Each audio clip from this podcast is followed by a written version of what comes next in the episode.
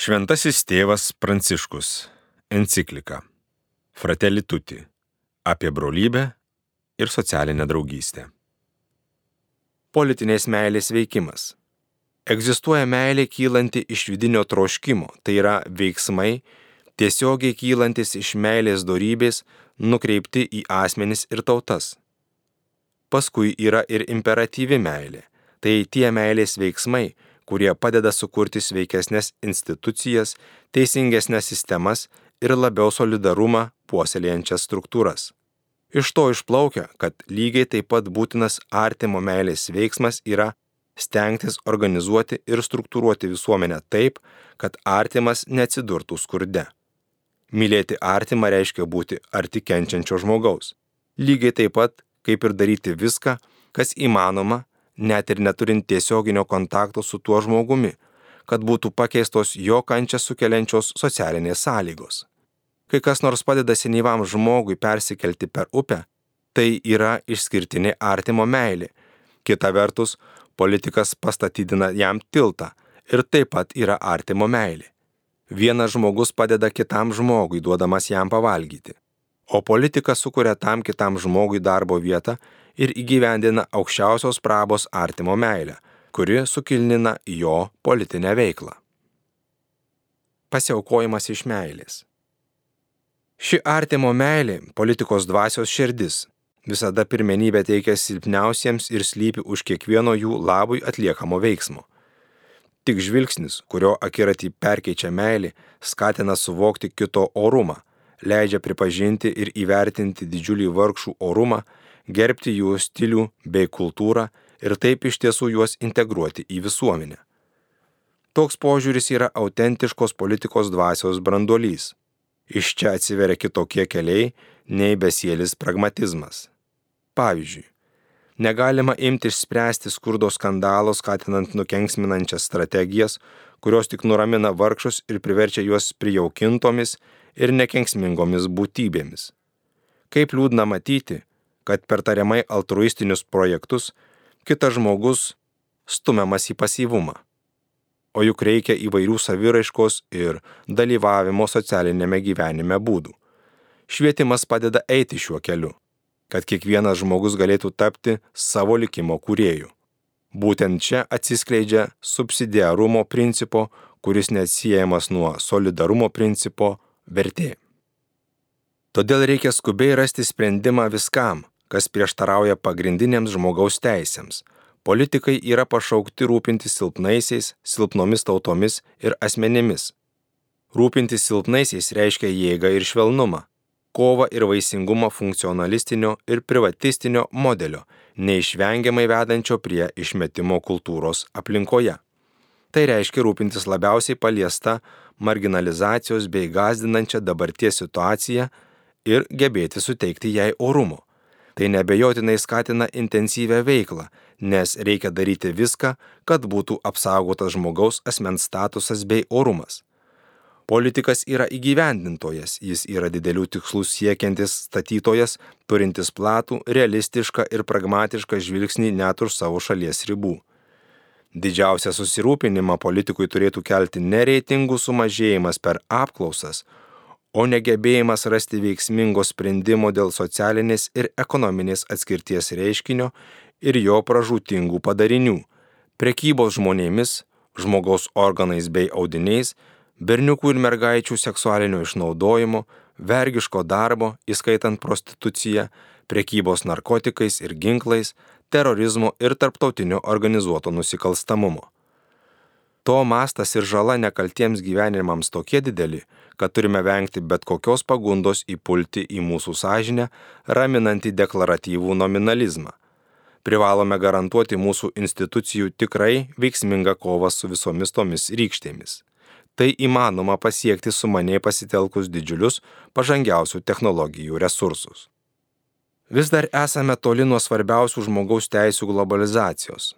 Štai kodėl pasaulinė politika negali savo pagrindiniu ir būtinu tikslu nelaikyti realaus bado panaikinimo. Iš tiesų, kai finansinės spekulacijos daro įtaką maisto produktų kainoms, traktuodamos juos kaip bet kurią kitą prekę, milijonai žmonių kenčia ir miršta iš bado. Kita vertus išmetama daugybė maisto produktų. Tai tikras skandalas. Badas yra nusikaltimas, o maistas neatimama teisė. Labai dažnai pasinerdami į semantinės ar ideologinės diskusijas vis dar leidžiame, kad broliai ir seserys mirtų iš bado ir troškulio, neturėtų stogo virš galvos ar sveikatos priežiūros paslaugų. Kartu su šiais nepatenkintais pagrindiniais poreikiais prekyba žmonėmis yra dar viena žmonijos gėda, kurios tarptautinė politika nebeturėtų toleruoti, nepaisant gražių kalbų ir gerų ketinimų. Tai būtiniausias minimumas. Meilė integruoja ir sutelkia. Politinė artimo meilė pasireiškia ir atvirumu visiems. Ypač tas, kuriam tenka atsakomybė už valdymą, yra raginamas nebijoti aukotis dėl galimybės susitikti ir siekti suartėjimo bent kai kuriais klausimais. Jis moka įsiklausyti į kito požiūrį ir leidžia kiekvienam turėti savo erdvę.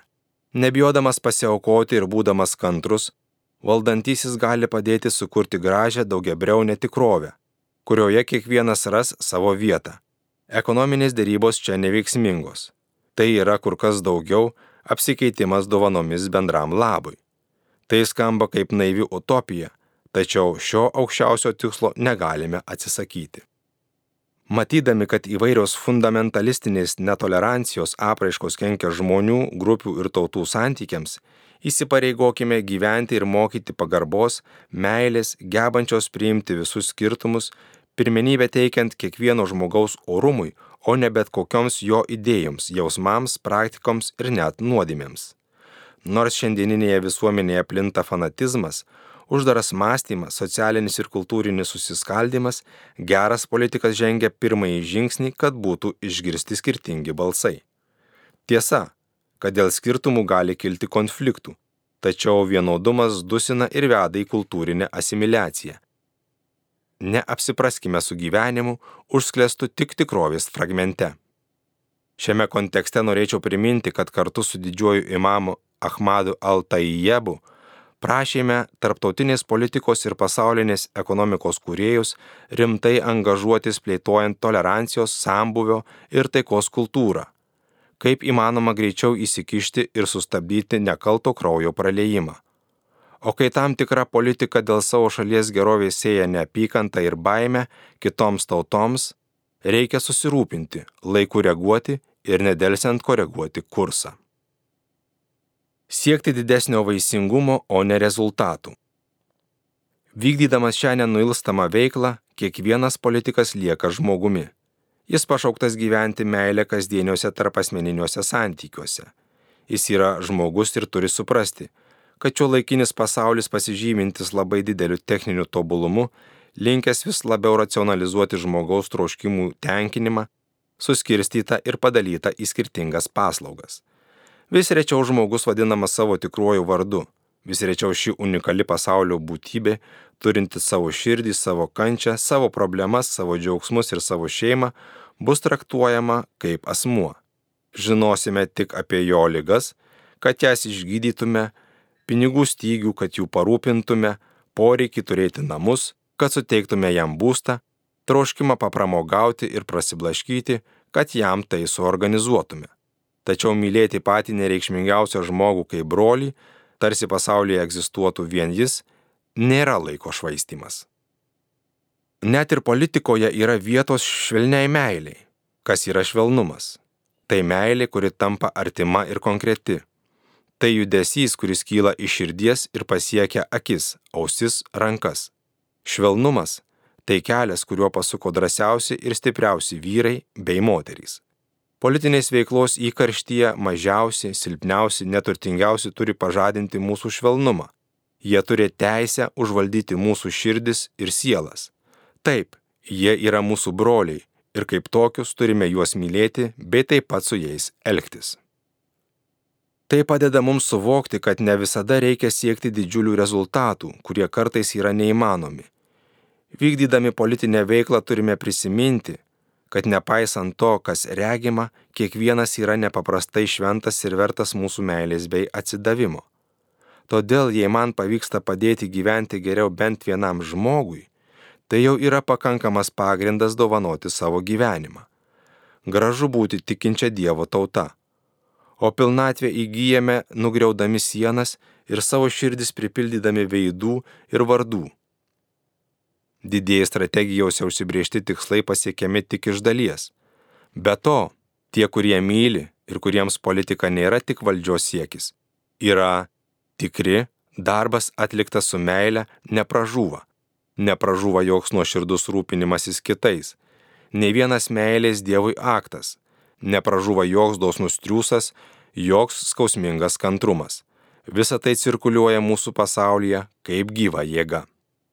Kita vertus, didelis kilnumas yra gebėti inicijuoti procesus, kurių vaisius surinks kiti, vilintis, kad pasėtas gėris turi slaptą galę. Gera politika meilę sujungia su viltimi, su pasitikėjimu gerumu atsargomis, kurios nepaisant visko glūdi žmonių širdyse. Todėl autentišką politinį gyvenimą, grindžiamą teisė ir lojalių subjektų dialogu, atnaujina įsitikinimas, kad kiekviena moteris, kiekvienas vyras ir kiekviena karta neša tam tikrą pažadą, galintį suteikti naujos energijos bendravimu intelektinėje, kultūrinėje ir dvasinėje srityje. Žvelgiant iš šios perspektyvos, politika yra kur kas kilnesnė nei sėkmingas pasirodymas, rinkodara, įvairiausių formų medijų makiažas. Visą tai sieja tik susiskaldimą, priešiškumą ir beviltišką skepticizmą, negebantį mobilizuoti bendram tikslui. Galvojant apie ateitį, kai kada dėrėtų užduoti tokius klausimus. Kodėl aš tai darau? koks mano tikrasis tikslas. Nes po keliarių metų apmastant savo praeitį nebus klausima, kiek žmonių man pritarė, kiek balsavo už mane, kiek žmonių turėjo teigiamą nuomonę apie mane. Klausimai galbūt skausmingi, skambės taip, kiek meilės įdėjau į savo darbą, kaip prisidėjau prie žmonių pažangos, kokį pėtsaką palikau visuomenės gyvenime, kokius realius ryšius užmesgiau, kokias pozityves jėgas išlaisvinau kiek socialinės taikos pasėjau, ką sukūriau man patikėtoje vietoje. Skaitė Remigijus Endriukaitis.